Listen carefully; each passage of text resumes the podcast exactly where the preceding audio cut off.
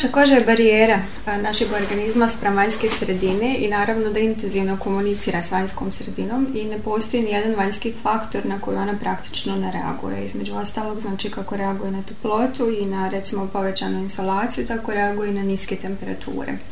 Ono što najčešće viđamo u praksi kao posljedica, um, da kažem, um, nepovoljnih utjecaja niskih temperatura jeste jedna iritacija kože i njena suhoća.